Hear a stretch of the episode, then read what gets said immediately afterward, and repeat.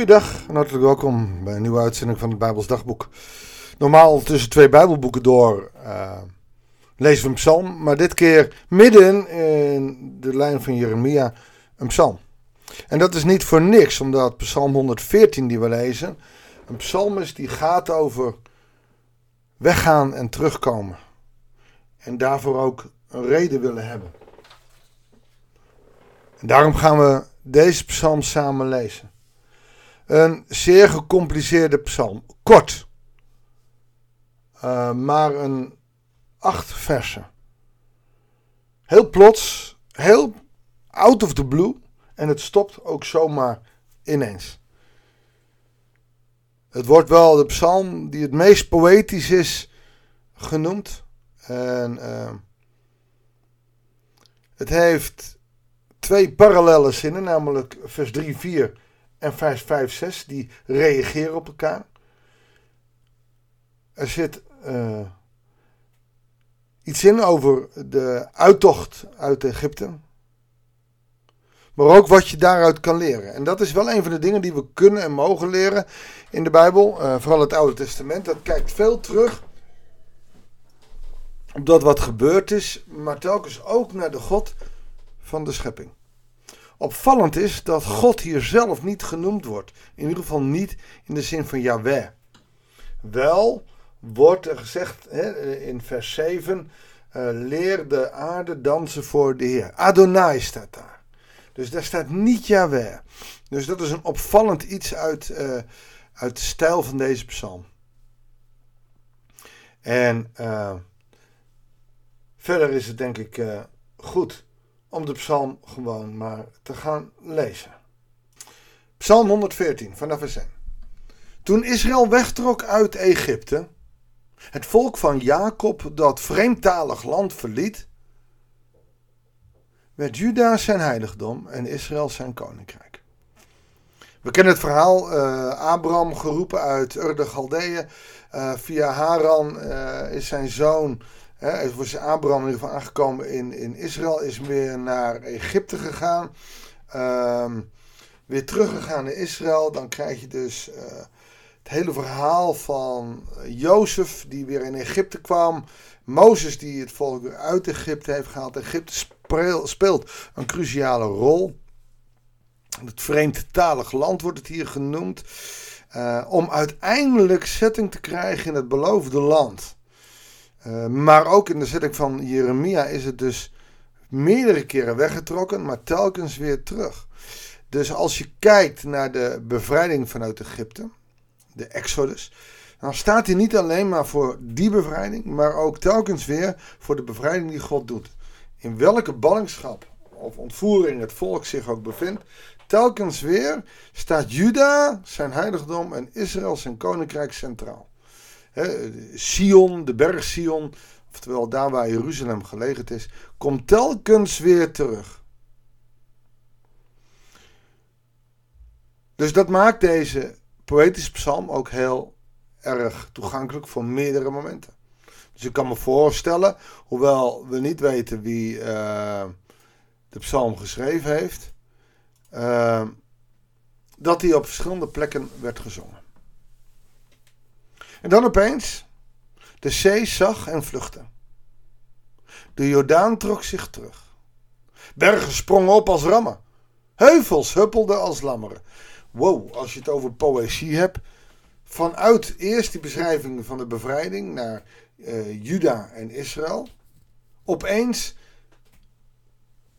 deze. En, en je gaat meteen vragen stellen waarom. En, maar daarom gaan we nu eerst doorlezen.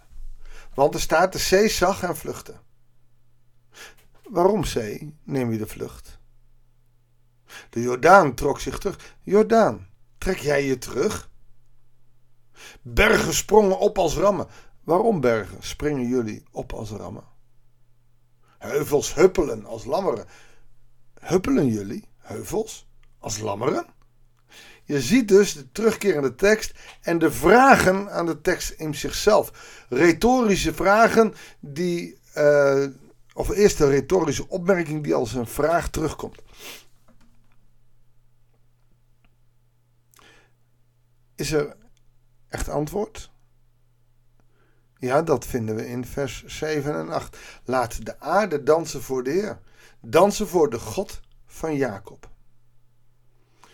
Die de rots veranderde in een bron. Hard gesteente in een stroom van water. Oké. Ehm, laat de aarde dansen voor de Heer. Jubelen, juichen zou je in andere psalmen zeggen. Hier dansen. David danste wel voor de ark uit. Laat de aarde dansen voor de God van Jacob. Die God van Jacob, die belofte van Abraham, Isaac en Jacob staan altijd centraal. Jacob in dit geval in deze psalm. Het volk van Jacob, dat vreemdtalige. Uh, meestal wordt er gezegd het volk van Abraham, Isaac en Jacob. Uh, dat heeft ermee te maken dat Jacob teruggegaan is. zijn broer Esau ontmoet heeft en zich weer zettelde.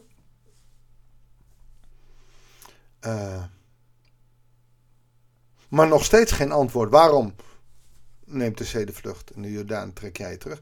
Nou, en dan komt hij, zomaar out of the blue, uh, met één voorval uit, wat volgens mij gewoon uit de uittochtsverhalen is, die de rots veranderde in een bron, hard gesteente in een stroom van water. We weten dat God dat heeft gedaan, dat uh, Mozes op de berg mocht tikken met zijn staf en dan kwam er water uit. Mozes heeft zichzelf daar ook aan een keer zonder God uh, dat gedaan en daarvoor is hij gestraft. Uh, want het moet van God uitgaan. Wat de psalm hier in ieder geval laat zien, is dat we moeten dansen, juichen, jubelen voor God. Want Hij is onze rots. En die rots die verandert in een bron van levend water. En dat is tegenover Egypte de macht laten zien. Als je van een gesteente een bron van levend water, die stroomt van kan laten maken, dan ben je machtig. Daar kan je als Egypte niet tegen. Je kan misschien de eerste twee wonderen van de tien plagen aan, maar uiteindelijk verlies je. En dat weet Egypte. Dat weet de vijand. En door het accent te leggen, die vragen te stellen in 5, 5, 6, gooit het accent op de macht van de Heer in vers 8. Heel kort uit iets wat hij heeft gedaan. En dan kom ik weer bij waar ik wel eerder mee bezig ben geweest. Um, als je niet-gelovigen wil overtuigen van de grootheid van God, dan moet je niet alleen maar Bijbelse teksten gaan lezen, want daar, daar haken ze op af, maar veel meer een ervaring. En dat doet de psalmdichter hier een ervaring, een collectieve ervaring van het volk Israël, waar God midden in de woestijn, in de droogte, als bron van levend water was. En Jezus zal later ook zeggen, ik ben het levende water.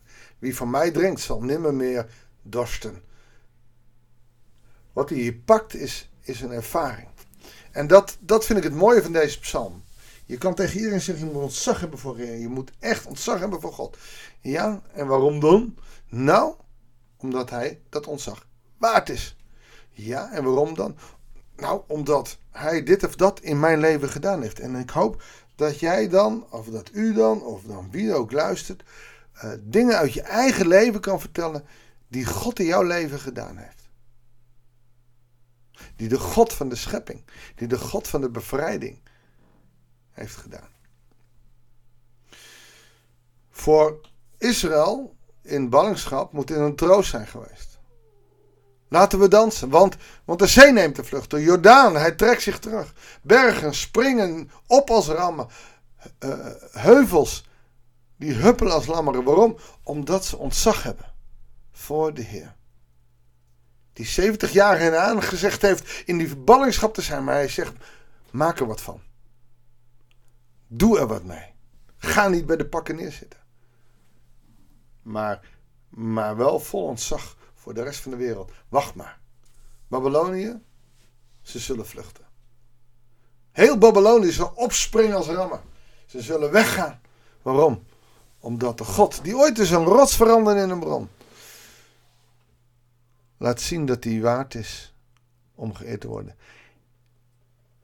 En die waarde, mag je over dansen. Dansen voor de God van Jacob. Daar mag je over jubelen en juichen. Want God is groot. Nou, een korte psalm, maar toch maar 10 minuten over doorgepraat, omdat het ook wel een pittige psalm is, waar heel veel in zit. Lees hem nog maar eens. Geniet ervan. Neem hem dit weekend ook mee. We gaan uh, in het weekend Jeremia 30 lezen, dat gaan we helaas overslaan. Maandag hopen we met Jeremia 31 uh, bezig te kunnen zijn. En uh, we blijven tot eind van de week met Jeremia. Mooi! Prachtige woorden van Jeremia. Nu even opgesplitst en in een psalm even laten zien hoe je in de poëzie de bemoediging kan ontvangen. Mag ik kort voor je bidden? Heere God, dank u wel voor bemoediging door psalmen heen. Leer ons zo onze eigen psalmen te schrijven. Van de God die ons redt.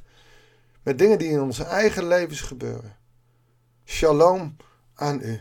U bent de God van vrede. U bent de God van liefde. We danken u, we loven en prijzen uw grote naam. Van nu aan, totdat de dag dat u terugkomt op de wolken. Maranatha. Amen. Dankjewel voor het luisteren. Ik wens je God zegen voor deze dag, voor het weekend.